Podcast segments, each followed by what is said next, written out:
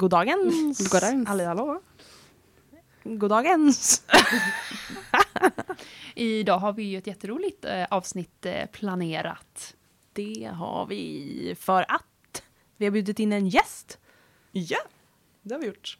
Elna Lundgren kommer att prata om eh, kaniner. Oh ja, Otroligt spännande. det ska bli Mm. jätteintressant. Jag är jättetaggad på det här avsnittet.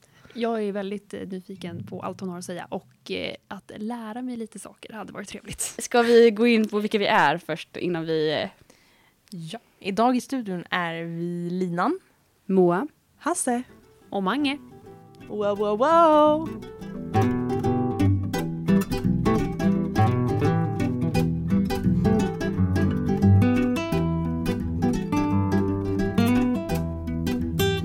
Idag välkomnar vi poddens första gäst, Elna. Välkommen! Tack. Tänkte att du kanske ville börja med att berätta lite om dig själv. Ja, jag är ju då er klasskamrat. Jag pluggar djurpsykologi tillsammans med er. Jag har också ett väldigt stort intresse för kaniner för att jag har vuxit upp med kaniner. Eh, Vi har haft kaniner sedan jag var liten och Då vet du nog lite mer om kaniner än vad vi gör. Eh, ja, definitivt. Men så här, är, kaniner är ju väldigt vanligt att man har hemma. Och det är ju många familjer som har kaniner då. Men vad är det viktigaste att tänka på om man ska ha en kanin? att de är egna individer skulle jag säga. Eh, med egna viljor och eh, känslor och att de är ganska komplexa djur. Att de är inte, det är inte ett gosedjur du har hemma som du kan hitta på lite vad du själv känner för. Utan de har behov som behöver bli uppfyllda varje dag. Och eh, mm, de har också egna åsikter om vad som händer med dem. Mm. Oh ja, alltså det är ju så himla viktigt. Och särskilt kanske eh, familjer som har, eller barn, brukar ju tendera att tycka det är väldigt mysigt med djur. Så det är ju jätteviktigt att eh, komma ihåg att de faktiskt har egna viljor. Jag tänker, ska vi börja liksom lite från början när man liksom vill köpa en kanin? Om jag då vill köpa en kanin, vart är det bäst att jag vänder mig? Vem ska jag köpa av och hur vet jag att det är en bra uppfödare? Jag skulle vända mig till...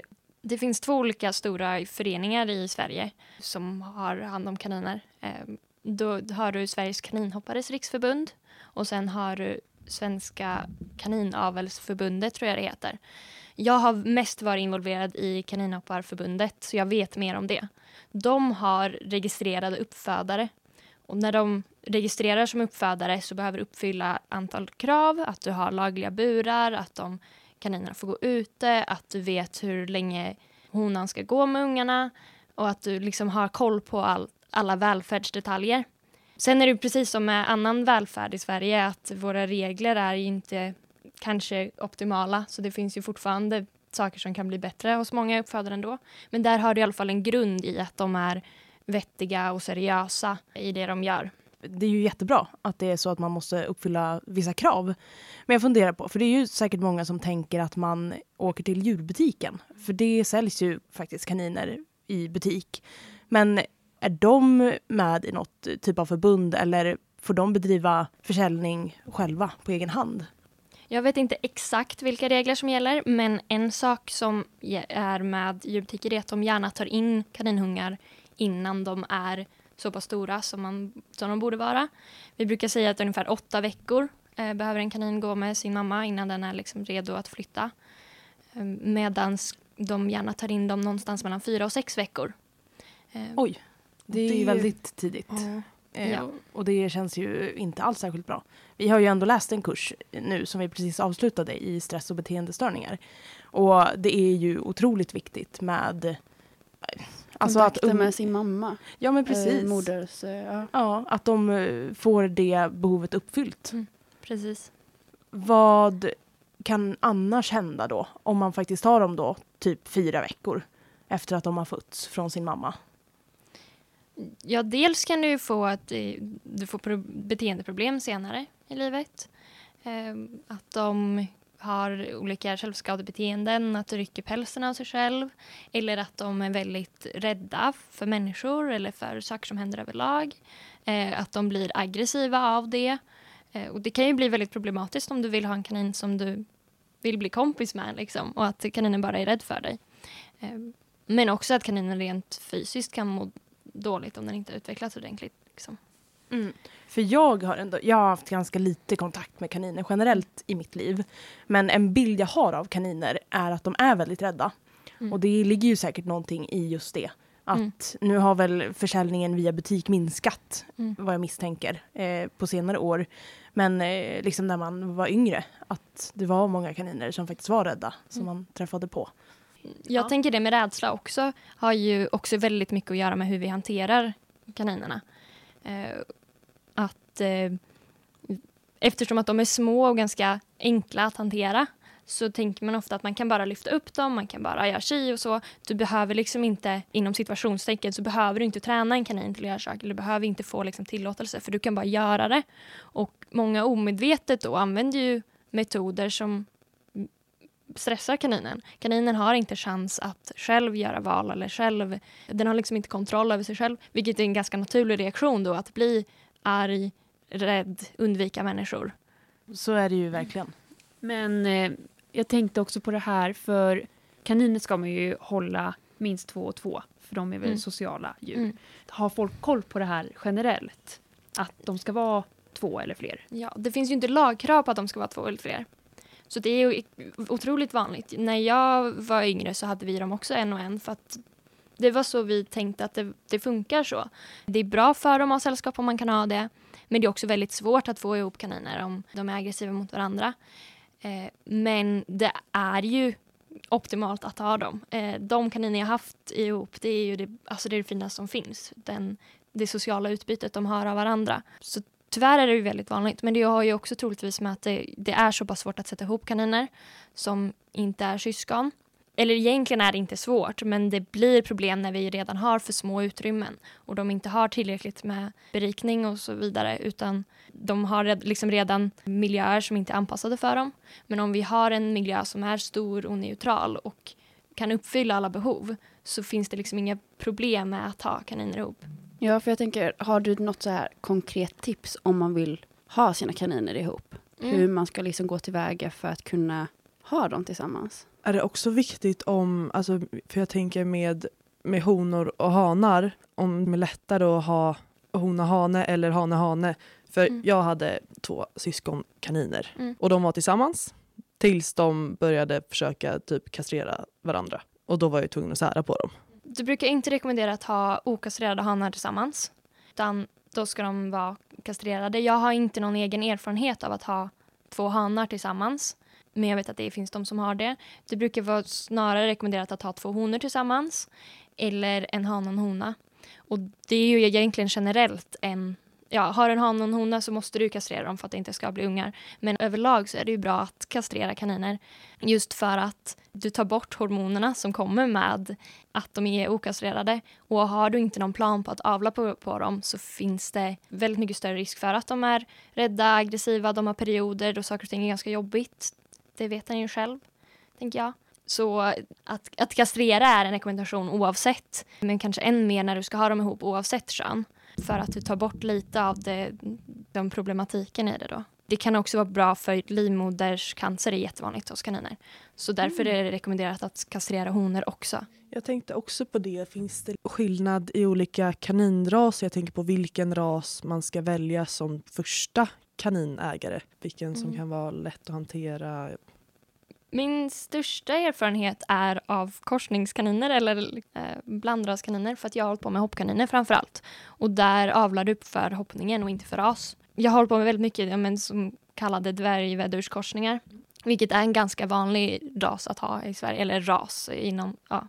Det är ju inte riktigt en ras då eftersom att det är en korsning. Det som, alltså jag skulle säga att det är viktigare att tänka på kanske vad uppfödarens mål är, vad för kaniner uppfödaren har, vad, hur föräldrarna är. Och om du, det är din första kanin och du vill ha en sällskapskanin så kanske det är någon där föräldrarna är ganska trygga Mm. och där uppfödaren är en som håller på mycket med dem och det verkar vara kaniner som är trygga med människor snarare än någon specifik ras. Mm. Och kanske inte skaffa en hoppkanin som är jättebra hoppstammad det första du gör för att de tenderar att ha ganska mycket mer, mer energi och mer tendenser att eh, utveckla rädsla och aggression Mm. och så om du inte vet hur du ska hantera det. Mm. Det är ju verkligen eh, jätteviktigt. För när man pratar om hundar så är ju den här kunskapen, det är ju vedertaget att man ju avlar raser för olika ändamål och så vidare. Men det kanske inte är det första man tänker på när man tänker på kaniner. Så det är ju verkligen eh, viktigt att lyfta det. Att man faktiskt eh, gör lite research om man ska skaffa kanin. Vilken typ av mentalitet och ja, men, vad man vill ha för typ av kanin. Mm.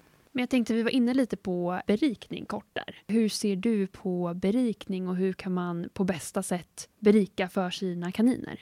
Ja, kaniner behöver ju då röra på sig. De behöver ganska stora ytor. Rent lagligt så kan du ha en bur på en halv kvadratmeter. Det är eh, sinnessjukt. Ja. Det är lite som att ha en häst på box endast. Det är inte rimligt, utan kaniner behöver kanske inte komma ut. Det är bra om de kan vara utomhus förstås, för att det är lättare att få en naturlig miljö. Men de behöver en större yta där de kan springa. Kaniner kan springa extremt fort i det vilda. De behöver upp på någonting, för att de har de här lägesskillnaderna. De behöver kunna gräva och de behöver någonting att gömma sig i, något bo. De behöver kunna gnaga, så kvistar, till exempel äppelkvistar eller lönnkvistar är väldigt eh, uppskattat ofta. Det är också bra eftersom att deras tänder växer hela tiden. Det har man ju sett mycket Ja, av man ju. på Ja. såna här äh, veterinärklipp på typ Facebook. Precis. Att det är kaniner med alldeles för långa tänder. Ja, precis. Det känns ju som att det skulle vara ett ganska vanligt problem bland kaniner då. Om man inte är noga med att faktiskt eh, alltså erbjuda saker de Mm. kan tugga eller Mm. gnaga på. Kan man liksom sköta det helt själv? Eh, har kaninen något problem med tänderna, bettfel brukar vi kalla det, då kan du behöva fila tänderna. Men utgångspunkten är att du inte ska behöva göra det. Det är ganska vanligt att du behöver ta bort en kanin just för att det är en ganska jobbig process att hålla på och fila hos veterinären. Utan de ska kunna fila ner dem själva. En annan viktig sak är ju då också att de får ett hö som är ordentligt och att det är det, är det som är basfödan som är näringsrikt och att, det, och att de alltid har tillgång till det. Och ja, att inte då ge heller för mycket pellets just för att de kan äta sig mätta på pellets istället. Och det, det, vad heter det? det filar ju inte ner tänderna på samma sätt som höet gör. Bra att ta upp. Nu har vi ju pratat lite om, om kaniners tänder och eh, hur man tar hand om dem. Men är det liksom några andra skötselgrejer så som att klippa klor som behövs göras på kaniner? Och hur gör man det på bästa sätt? Ja, klorna behöver ju oftast klippas. Det är klart att de kan slitas ner av att de kanske gräver och går på lite stenmaterial eller så beroende på eh, hur det. Men allt som oftast så behöver de klippas. Och ganska vanligt då att eh, antingen att man bara håller i dem eh, mot sig eller att du lägger dem på rygg.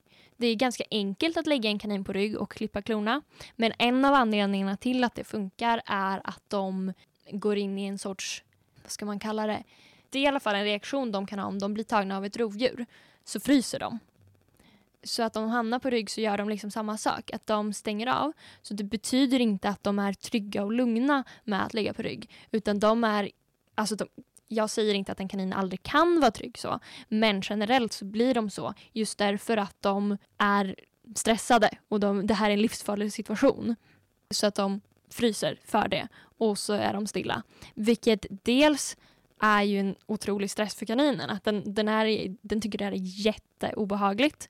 Eh, men sen också är det en ren fysisk fara om kaninen helt plötsligt då sprätter till. För det är det de gör, att de fryser för att så kunna sprätta till när rovdjuret inte är redo att göra någonting åt det. Så, så kan de hoppa upp då. Vilket är extra farligt om du sitter där med en sax i handen. Så även om det är kanske lockande och kanske att du rullar in hand, en kanin i en handduk för att då minska att de ska kunna sprätta till. Ja, men du har ju fortfarande det här att det är väldigt obehagligt för kaninen och att det är väldigt svårt att skilja på om de är trygga eller om de bara är i det här äh, frystillståndet. Eh, Så en sak som, eller sak som jag har jobbat med istället det är dels att försöka lära kaninen att klösa på en klösbräda eller på en, ja, men typ en planka med eh, sandpapper på.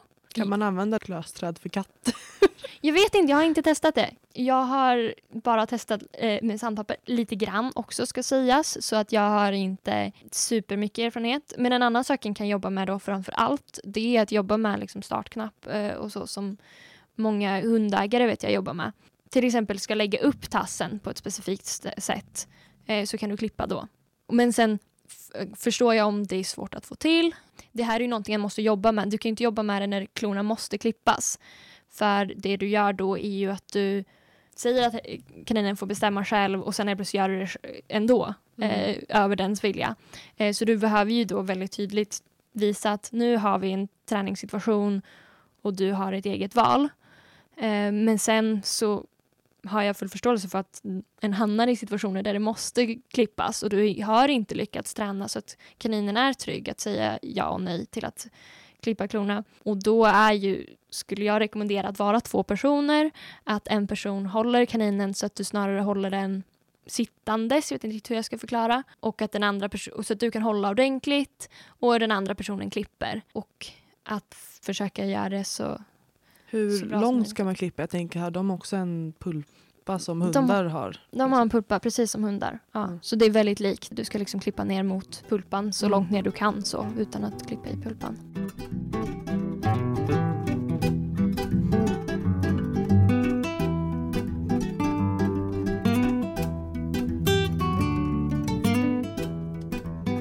sen tänker jag också, i och med att du säger stora ytor, det är ju inte ovanligt heller att man låter dem springa fritt hemma. Mm. Hur Tycker du att det finns något bra sätt att lösa det på? Jag tänker rent säkerhetsmässigt och hur man kanske ska tänka om man vill ha en kanin som kan springa fritt hemma så att ni inte tuggar sladdar och liknande. Mm. Liksom, hur, hur lär man, man den gå på lådan? Och det med! Ja. Hur lär man den gå på lådan? Och allt sånt. Ja, om vi börjar med hur göra hemmet säkert då, så är det ju som du säger, sladdar är ju, vill du inte att de ska gnaga på. Så det är ju att försöka lägga upp dem, lägga undan dem. Kanske om du har något ställe där det är sladdar, att du kan stänga av det på något sätt, ställa upp kompostgaller eller liknande. Sen brukar många kaniner tycka att det är jobbigt när det är halt på golvet. Eh, inte alla, vissa vänjer sig. Jag har haft en kanin, han sket fullständigt i det. Han var så lycklig varje gång han var inomhus och bara sprang. Och så har jag en annan kanin som hon, hon gick helst inte alls. Även om hon hade bott inne i några månader så rör de sig fortfarande inte på golvet. Så där brukar det vara bra med mattor. Eller såna här typ träningsmattor kan du ha om du, och de är extra så här, tycker det är jobbigt att gå på saker. Så att de känner sig stabila på golvet. Eh, så att du har det ordentligt utspritt så att de kan röra sig. Sen om vi pratar att de ska lära sig att gå på låda. Den är jättesvår kan jag säga. Oh no! Fram, alltså om du har en vuxen kanin så är det, det är svårt om ja. de alltid har gått överallt. Så. Men det går. Eh, det, jag tycker att det har varit, varit lättare när jag har gjort det med kaninungar. Eh, mm. De har lärt sig snabbare. Men det går med vuxna också. Det är egentligen att du städar hela, hela, hela tiden. Och att du plockar upp så fort det blir en plutt någonstans, att du lägger den i lådan. För då lär de sig att det är där det finns. Också att du placerar, en grej kan vara att placera lådan i närheten där de har hö. Du vill ju inte att de ska ha hö i lådan, men att du typ lägger hö och sen ställer du lådan mot det så att de har höet liksom nära. För ofta så sitter de ju där och äter och gör sina behov samtidigt. Så det är väl också ett sätt att försöka liksom, samla det på ett ställe. Mm. Ja, och om vi ändå är inne på det här träningsspåret och som du ändå sa lite grann tidigare, att många nog kanske tänker att man inte behöver träna en kanin. Att man kan ju, det är ju lätt att lyfta upp den och sådär. Men eh, det kan man ju verkligen. Och hur ska man komma igång med den här träningen då? Att faktiskt interagera med sin kanin på bra sätt. Så att man mm. faktiskt kan få en fin relation med varandra. Mm. Det beror ju dels på lite vad läget är. Men om jag tänker mig en, en nyinflyttad kanin som du inte känner, Eh, eller en kaninunge kanske till och med, så är ju första steget att bara spendera tid där. Ehm, det kan kräva tålamod, men att bara vara i närheten, att eh, ha en miljö där kaninen kan röra sig fritt, där kaninen kan gå in och ut själv och att du bara existerar där tillsammans med kaninen, låter den vänja sig med dig i lugn och ro. Eh, sen kan du göra det om kaninen kommer fram till dig, att du, om det är en kanin som är matmotiverad, att du kanske har någonting att ge den. Så att, att komma till dig det är en ganska kul grej. Och kanske hoppa upp i knät, det är kul för då får du bara mat. Och att du framförallt undviker att uh, göra saker som kaninen inte verkar bekväm med. Eller att du till exempel lyfter in och ut ur buren kan försvåra den processen just för att varje gång du lyfter kaninen och den tycker det är obehagligt så förstärker du att det, det är någonting som är lite läskigt när du kommer. Så jag skulle, försöka, skulle säga det att sätta upp en miljö där kaninen kan röra sig in och ut ur buren själv. För att få in kaninen igen, till exempel då ger den lite mat. Eh, om den får lite pellets varje dag så men ge den det då när du tar in den igen. Eller ge den lite sallad eller så. Eller fyll på med höt. Vissa kaniner tycker att det är bara spännande nog. Sen, ja, eller ja, sen ha det tänket överlag att så här, låt kaninen välja själv de sakerna.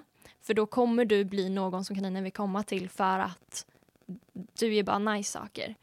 Eh, sen också om att klappa kaninen. Vissa tycker ju det, att det är jättemysigt. Andra kaniner tycker att det rör mig helst inte alls.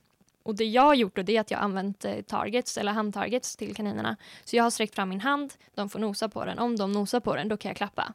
Och i, eh, precis i början när de håller på att lära sig det här, då vet ju inte de att det betyder att jag klappar. Så då kanske bara klappar lite, lite grann och tar bort den igen. Och så får de nosa igen och så klappar lite grann. På det sättet så lär ju de sig ganska snabbt att jag kan kontrollera när du ska klappa mig. Och då, ja, och då gör du det. Och då kan de lära sig det också. Jag kan komma fram till dig om jag vill och be om det om jag vill. Och du kommer inte att tvinga mig. Vilket också gör att fler kanske tänker att det är okej att bli klappade, vilket många tycker är mysigt att göra. Just det att de kan välja själva är väldigt intressant tycker jag, för att kontroll är visat vara en primär förstärkare för alla djur. Så bara att ha egen fri vilja i saker och ting, att bestämma när saker och ting sker, är en förstärkare som du kan använda för att träna med. Eller liksom, Det är ju fantastiskt Ja. intressant och Mm. är ju väldigt viktigt att man eh, faktiskt vet om det. Mm. För det är ju väldigt användbart. Och många gånger när man tränar med djur så det är ju inte riktigt etablerat ännu att djuren faktiskt ska få ha kontroll över Mm. sig själva. Så. Nej. För jag tänker, typ hundar har ju ett naturligt intresse av människor. Och liksom hundvalpar, de kommer ju fram och vill hälsa. Hur är det med kaniner? Finns det en naturlig nyfikenhet för människor då? Eller hur, hur brukar det se ut för kaninungar? Oj. Hmm. Jag tror att det beror på hur föräldrarna är. Eh, rent när de fortfarande går tillsammans med mamman. Så hur... Ja, det kan väl vara en bra grej också. Jag vet inte om någon som lyssnar ska föda upp kaniner. Men oftast har man det bara med mamman för att det finns en väldigt stor risk att om man har pappan tillsammans med kaninerna också så tar han ihjäl dem när de föds. Så det är också en ganska... Man har dem sällan liksom ett familje familjer på det sättet utan man har dem med mamman. Men om mamman är en sån som tycker om människor, är trygg med människor och kommer fram till människor och ungarna redan från början får vara med i det här att ja, men människan sitter med ute i hagen och klappar på mamman, ungarna får komma fram och nosa. Alltså då, då är det ju liksom en naturlig grej eh, i interaktionen. Har du istället så att du låter mamman vara helt och hållet under de här första sex veckorna eller någonting. Vilket, det är också viktigt att ge mamman liksom lugn och ro om hon blir stressad av människor. Men om du på det sättet låter dem vara, då är ju vi nya och stora liksom rovdjur potentiellt. Så då är det ju inte samma. Eh, det är inte det naturliga att kaniner har evolverat tillsammans med människor lika starkt som hundar har. Ja, och när du berättar det här då tänker jag rent spontant att det är ju jätteviktigt att faktiskt ha en bra relation till mamman innan Mm. man börjar avla på individer. Mm. För att eh, kunna göra det så bra som möjligt för Mm. ungarna. Men om vi fortsätter på träningsspåret, för det är ändå lite kul. Vad finns det för roliga grejer man kan göra med kaniner rent träningsmässigt? För du nämnde ju lite Mm. att du hade haft hoppkaniner. Mm. Finns det andra saker? Och vad innebär hoppkaniner? Och hur ser det ut? Ja, hoppkaniner är att, ja, vad ska man säga, man, man tävlar lite som eh, i hästhoppning. Eh, ganska likt hästhoppning, att du helt enkelt för kaninen genom en bana. Ofta då med selokoppel på och så ja, är det antingen en bana rakt fram med hinder eller så är det en krokig bana som är lite mer lik hästhoppning då. Eller så är det höjdhoppning så det är så högt som möjligt eller så långt som möjligt så det är längdhoppning. Jag har tränat det för, nu var det ganska många år sedan, den främsta teknikerna du använder då är ju egentligen positiv bestraffning och negativ förstärkning. Eftersom att du dels har kaninen i sele och koppel, du styr den så att du drar lite åt det hållet du vill eller ger så kallade hjälper, likt du gör med en häst. Och du sätter kaninen framför hindret och petar lite på den innan den går framåt. Vissa kaniner har jättenaturligt, de bara springer och hoppar. Och andra kaniner får jobba lite mer med. Men i grunden så är det framför allt den negativ förstärkning och positiv straffning eh, träningen bygger på. Så jag slutade med det för ja, ett antal år sedan för jag tyckte inte riktigt att det var roligt och mina kaniner tyckte inte det var jättekul heller. Men skulle man kunna träna det med positiv förstärkning? Ja, absolut. Ja. Det skulle, det är klart. Jag hade inte riktigt intresset att försöka, men absolut att du, du kan göra det. Det viktiga är ju att så här, det är ju jättemånga som, om det är någon kaninhoppare som lyssnar nu, det är jättemånga som använder godis och klappar och beröm och så här som man tränar och, eller använder också i sin träning. Eh, och det finns det också de som börjar med liksom sina ungar att du, du låter dem gå i en hage med hinder och de får godis när de hoppar över. Och det är ju liksom ett sätt att börja eh, belöningsbaserat. Eh, så det finns ju absolut de som använder de metoderna. Men att det ofta i slutändan när du väl är där på tävlingsplatsen eller när du väl är liksom i den eh, situationen där du har större banor och så, så är det oftast att du ja, utgår från de ja, traditionella metoderna, vad ska jag säga, negativ förstärkning. Men ja, jag skulle säga att det är möjligt att, att göra det. Men jag tror att det är få som har den insikten i att helt och hållet skilja på dem i nuläget. Om man skulle, vad Mm. är liksom, vad är förstärkande för kaniner så sett? Alltså Mm. är de matmotiverade eller vad är de? Många kaniner är väldigt matmotiverade. Det är olika. Så jag skulle nog säga att det är den absolut största förstärkaren. Alltså vissa kaniner kan ju tycka att det är väldigt förstärkande att liksom få klappar och så också. Men det handlar ju om hur du kan applicera det. Vissa kaniner tycker att det är bara väldigt eh, kul att följa efter människor eller att hänga med människor och då kan det ju vara en grej att man, man springer före och de hoppar efter liksom. Men det är ju inte, ja, det är inte alla som gör det. Nej. Men det är ju också en fin grej då att man ju faktiskt måste lära känna sin kanin som individ och vad Mm. just eh, den individen eh, värdesätter och vad som fungerar liksom Mm. tillsammans. Så. Jättemycket ja. Lite så vad den egentligen tycker är roligt och inte Mm. roligt. Alltså att man, ja. Mm, precis. Och nu när vi har pratat lite om, om positiv förstärkning Mm. som träningsväg. Är klickerträning någonting som du ägnar dig åt med dina kaniner? Ja, det kan du göra. jag har inte gjort det jättemycket med mina. Jag har gjort det lite grann. Eh, klicker är ju ett verktyg att använda för att liksom markera ett beteende. Nu gör du det här beteendet och nu får du en godis. Jag använde inte det jättemycket för att jag inte, när jag liksom slog över och började träna mer belöningsbaserat så var inte jag inne på detaljer lika mycket. Det är också en sak som jag tänker är ganska intressant lite vad, vad är målet med att ha djur, vad är målet med träningen? Att vi ofta fastnar i att vi vill, vi vill kunna prestera saker, vi vill kunna tävla, vi vill kunna göra tricks, vi vill kunna så här. Men vad är egentligen vad är syftet med att ha djuret eller vad är syftet med att göra de här sakerna? Och att det då för mig blandade med att det viktigaste för mig är att jag har en stark relation och att de, de känner sig trygga med mig. För att jag, jag behöver dem i mitt liv för jag mår väldigt bra av att vara med dem och jag vill att de ska känna detsamma med mig. Så min fokus blev ju då på snarare, vi gjorde ordning trädgården hemma hos mina föräldrar som var ganska stor där de kunde gå och lösa.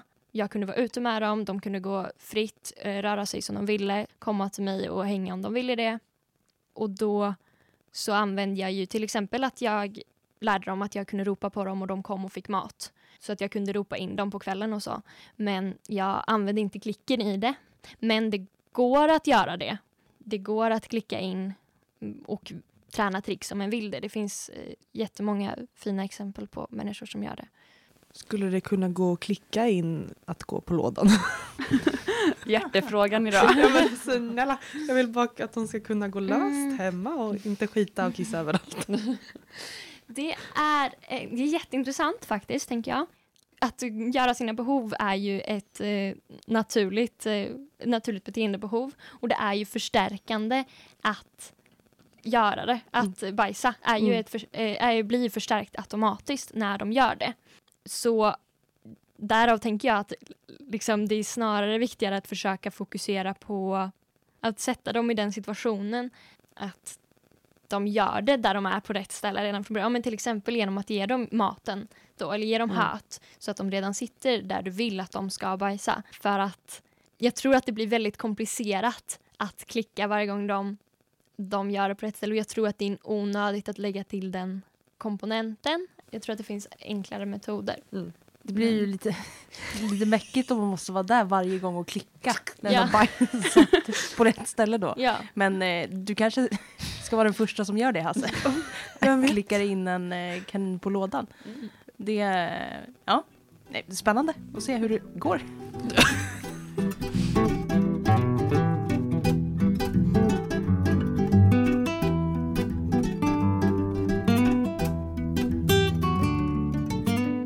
Man då vill börja med klickerträning Mm. med sin kanin, Mm. vad är ett bra, eller hur är ett bra sätt att börja? Jag skulle sätta kaninen någonstans där den är trygg och nöjd och gör någonting annat. Till exempel sitter i sin hage och äter gräs eller sitter och äter hö i buren och inte bryr sig så mycket om vad du håller på med.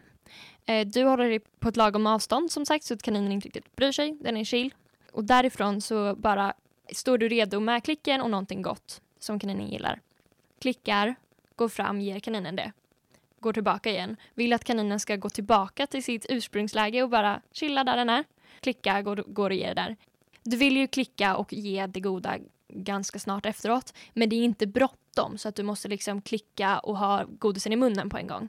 Utan ge det hellre tiden att gå den där sträckan så att du kan backa undan så pass långt att kaninen inte bryr sig om dig. För att det du vill ha är ett lugnt stämningsläge, att kaninen snarare känner att klicket betyder nu kommer någonting nice. Jag behöver inte göra någonting för det. Jag behöver inte bry mig om vad du håller på med innan. Utan när klicket kommer så kommer det braiga till mig. För att det, det har du nytta av senare när du liksom vill göra saker. Att eh, kaninen kan fokusera på vad den ska göra och inte på vart du är och när du kommer med godsen. Och det här gäller ju egentligen alla djur, så här skulle jag göra med en häst också. Att inte stå bredvid och hästen står och väntar och jag väntar på att hästen tittar bort från mig och sen ger jag godiset. Utan hellre, hästen står redan och gör det den vill och jag kommer med, med godiset. Det är ju ändå väldigt eh, bra att lyfta för jag tror att många som klickar eller ska klicka in ett djur Mm. ju faktiskt gör så att man är väldigt nära och Mm. att det ska gå så himla fort Mm. mellan eh, ja, men klicken då och förstärkaren. Mm. Så det är ju superbra att lyfta. Men jag tänker också lite grann, för att om man står med ett djur sen och jag tänker att det ändå kanske skapar ett intresse hos djuret och att den då väljer att komma till en och vara Mm. vid en. Tycker du fortfarande då att man ska fortsätta, att man ska vänta ut att den går tillbaka till det den håller på med under inklickningen eller tänker du att man kan fortsätta då där man är? Mm. För jag har lite grann alltid lärt mig, i alla fall med hund, att när Mm. man klickar in att det ska vara fokus vid en själv och man Mm. sitter och man klickar och man ger, klickar och man ger och att det Mm. ska vara väldigt mycket fokus på att vi är här och nu tillsammans. Mm. Jag tror att jag i den situationen skulle göra så att eh, eller jag skulle undvika den situationen snarare. Jag skulle sätta upp så att jag kan ställa mig någonstans där kaninen inte kan komma till mig. Så den inte kan inom situationstecken göra fel. Utan det är enklast och bäst och lättast att bara sitta kvar där. Och så att köra korta stunder. Så att det blir logiskt för kaninen att jag sitter här och du kommer med det till mig. Så skulle jag nog göra när jag, när jag börjar jobba med det. Sen när jag är, har kanske klickat in och så och sen att jag gärna vill att kaninen kanske kommer till mig när vi är ute och att det kan vara lite en annan sak då att så här, ja, den kan få belöning för att den kommer till mig men det är inte klicken betyder inte att den ska vända sig till mig och komma och hämta det.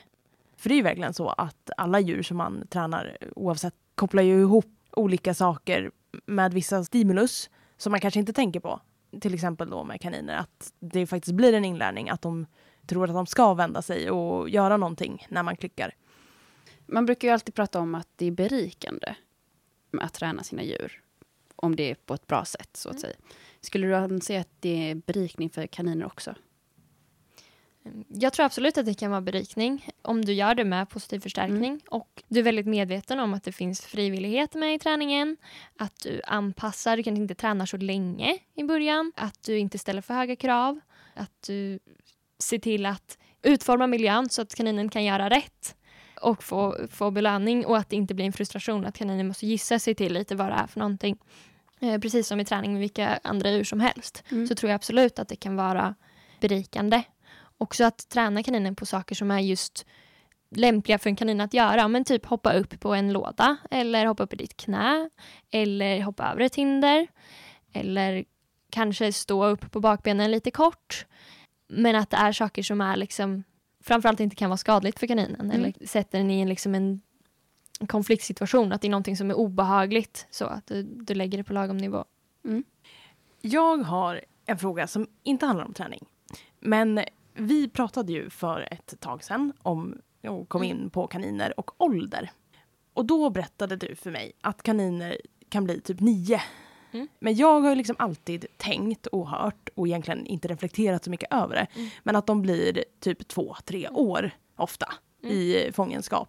Och det är ju väldigt mycket kortare liv än vad de faktiskt kan leva.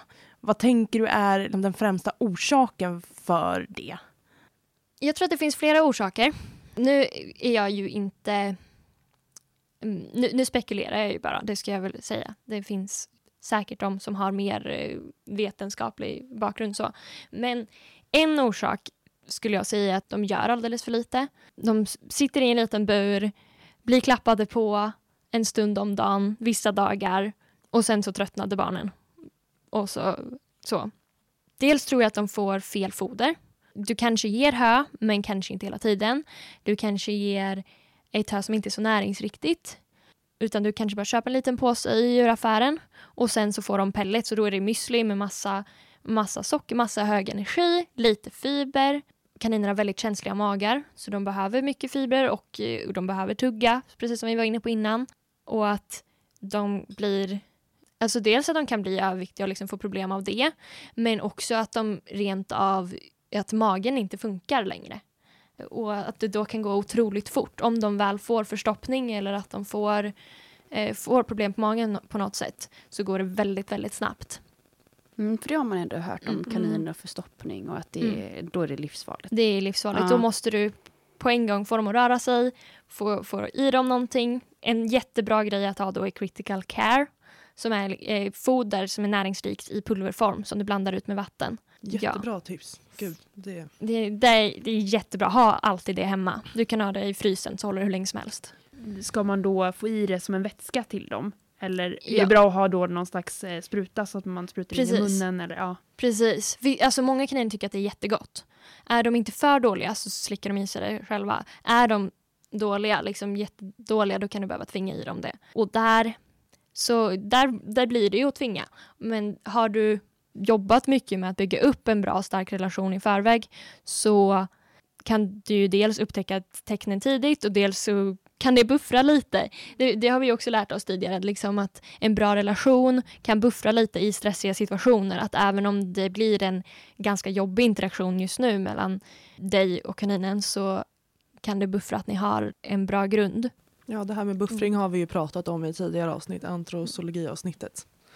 Just det. Och det här kan man ju applicera på alla djur Mm, och alla mm. relationer. Precis. Så ja, men återigen varför de dör tidigare än vad de borde. Så tror jag också att det finns mycket i att få vet hur ser en kanin ut som mår dåligt.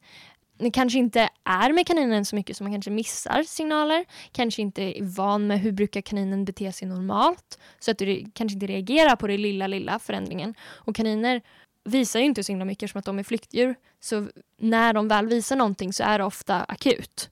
Då måste du reagera på en gång. Så du måste lära dig att läsa av de här små signalerna långt innan för att kunna hjälpa dem när de blir dåliga. Och det tror jag tyvärr att många missar. Och då blir det så att man kommer ner och kaninen har dött för att man har inte sett någonting innan. Kanske en bra grej att göra innan man skaffar kanin då och liksom lära sig lite tecken och lära sig verkligen hur en kanin fungerar och beter sig när den mår bra. Ja. och apropå det så hade jag faktiskt tänkt, eller jag skulle testa er lite på om ni kan, eftersom att det här är en podd så tänker jag ljud, så kan vi se om ni hör eh, vad det betyder. Så kul och spännande. ja, väldigt roligt. Kanske blir Ja. lite pinsamt. Ja, jag tror det eh, är jag- väldigt pinsamt tror jag men Pinsamt, det ja. blir jättebra.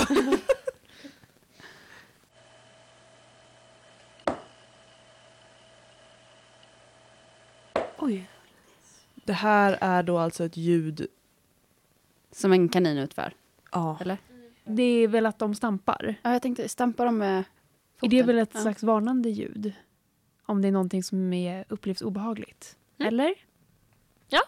Fan vad bra koll du har. Wow. Helvete. Precis. Det är att de, de stampar eh, och det gör de ofta om de tycker att någonting är obehagligt eller någonting är, ja det finns en fara eller någonting som är fel i omgivningen. Så.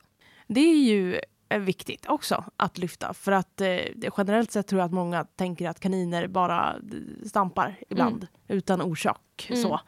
så det är bra. Ja, jag tänker på den här lilla kaninen i Bambi. Så stampar ju han...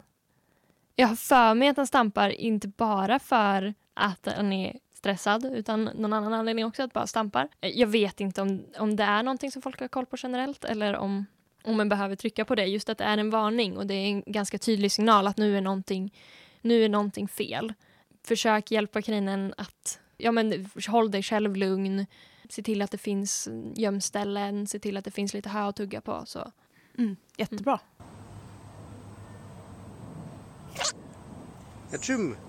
Det lät som en nys. Sa han, äh, sa han prosit? Mm. Eller, Ja, det där var en kanin som nös. Oj, det var jättegulligt. Det låter också väldigt gulligt. Men om en kanin nyser så är det ju ganska tydligt på att den kanske har fått in någonting i nosen eller kanske har någon sorts förkylning eller så. Och det kan vara ganska farligt för kaniner. Kaniner andas genom sin näsa. Så om de blir täppta så kan de helt enkelt kvävas av det. Så, ah, mm. så det är ganska noga om du har en kanin som nyser så det kan vara, det är bara lite dammigt eller så, det går över. Men att det är, det är en bra sak att ta koll på. Så. Vad kan man göra då? Är det liksom veterinären som gäller direkt eller kan man typ ta en fuktig trasa och torka runt näsan? Eller? Om de har någonting, eh, liksom, om de är snoriga så skulle jag höra av mig till en veterinär. Och mm. så. Du kan torka av det men jag skulle också alltid höra av mig till en veterinär och be dem om specifika råd i fallet. Mm. Också om de nyser, om de nyser bara en gång så kanske det är lugnt som sagt. Men om de nyser flera gånger skulle jag också höra av mig till en veterinär. Idag så finns det ganska bra digitala tjänster eh, som har hjälpt mig med kaniner just för att kaniner ofta kan tycka att det är obehagligt att åka iväg och nya platser och så. Och att då kunna ringa en veterinär som tittar på kaniner och du kan prata med veterinären istället och så kan de bestämma om du måste åka in och göra någonting eller om du kan göra det själv det är jättebra att kunna undvika den stressen att åka mm. in till veterinären när man kan prata med dem. Mm. Via ja, jag tror verkligen att det är räddning för många djur och djurägare. Oh. För många olika arter. För oh, det är ja. ju är lite jobbigt för vissa. Mm. Är det ju.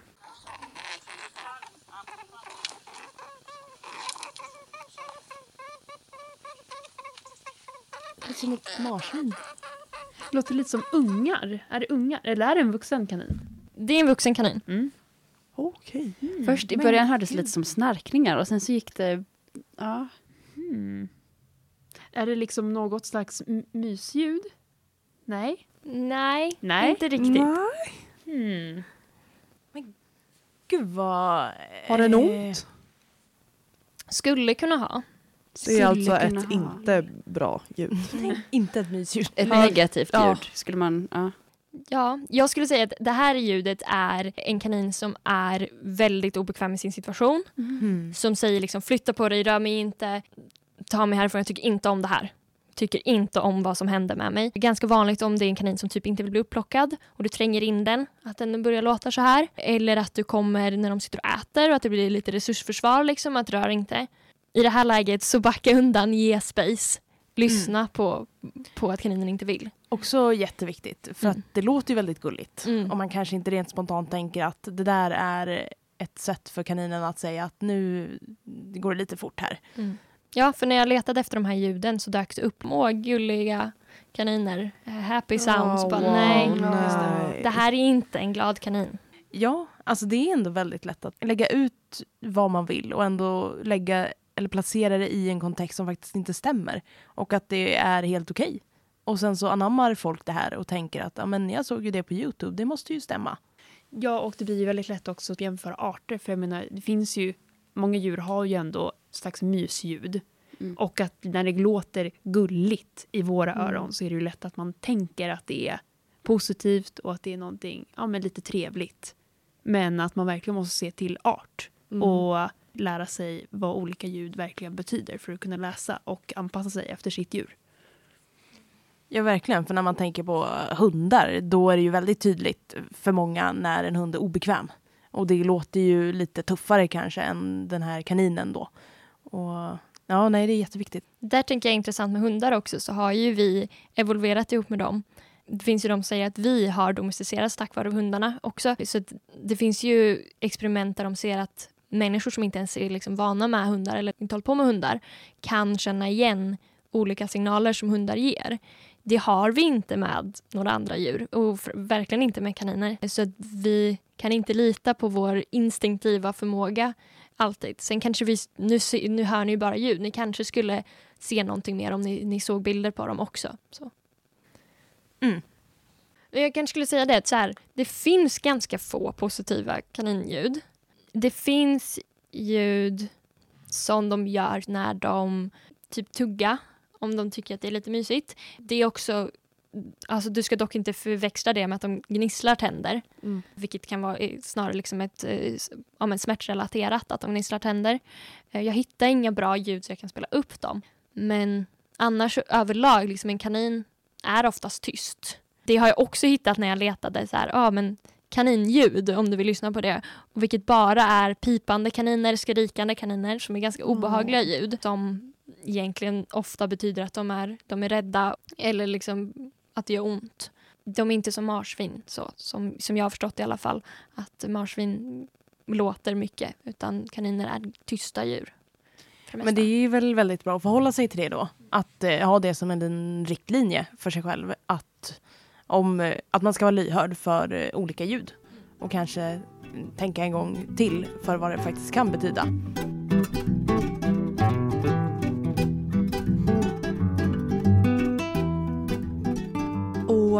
Nu efter det här lilla inslaget med att vi har fått lyssna på eh, lite ljud så tänkte jag att vi kan komma in på dagens myt. Vi brukar ha såna här i studion, per avsnitt, en per avsnitt.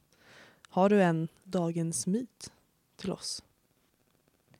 Mm. Ja, det, sk det, skulle väl vara att eh, kaniner är gnagare. Eh, vilket de inte är. De är harddjur, så de skiljer sig en del från gnagare, råttor och möss och så. Och det är väl också intressant typ, eh, rent, rent praktiskt om du har kanin. Så kan du inte få veterinärvård för gnagare utan du behöver veterinärvård för exotiska djur. Om du har en kanin? Mm. Så även om kaniner är väldigt vanliga i Sverige så räknas de som exotiska djur på veterinärutbildningen. Vilket begränsar utbudet av veterinärer tyvärr. Så det är också en sak som är väldigt bra att kolla upp redan innan du skaffar kanin vilken, vilka veterinärer eh, du kan vända dig till. Gud, jag hade ingen aning. Nej, verkligen inte jag heller. Och ingenting man liksom tänker på eh, överhuvudtaget eftersom att de ju, som du sa, är väldigt vanliga att man har här. Ja, det var en redig myt. Ja, till oss alla så här. Tystnad i studion.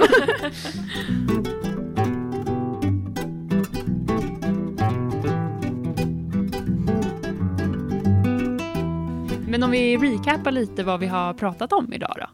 Ja, det jag tänker på är väl först och främst att du ska, när, när du ska köpa kanin, att du vänder dig till rätt uppfödare. Och att du har rätt berikning och rätt förutsättning för att din kanin ska kunna leva ett så bra liv som möjligt välfärdsmässigt. Eh, att du har en rätt foderstat som är fiberrik. Det krävs research för att det finns veterinärer om ens kanin skulle bli sjuk eller dålig. Så det är nog verkligen någonting jag tar med mig som jag inte hade den blekaste om sen innan. Verkligen. Mm. Mm. Men eh, då tackar vi Elna för att hon kom hit och gästade idag och pratade om kaniner. Ja, ja tack. Tack så mycket. mycket. Och som vanligt så kan ni ju nå oss med frågor och tankar och funderingar på Instagram, gärna djur. På Eller? Facebook, gärna djur. Och på vår mejl som är janadjur.hotmail.com. Oh yes! Hej då på er! Bye bye! Bye bye! bye. bye, bye, bye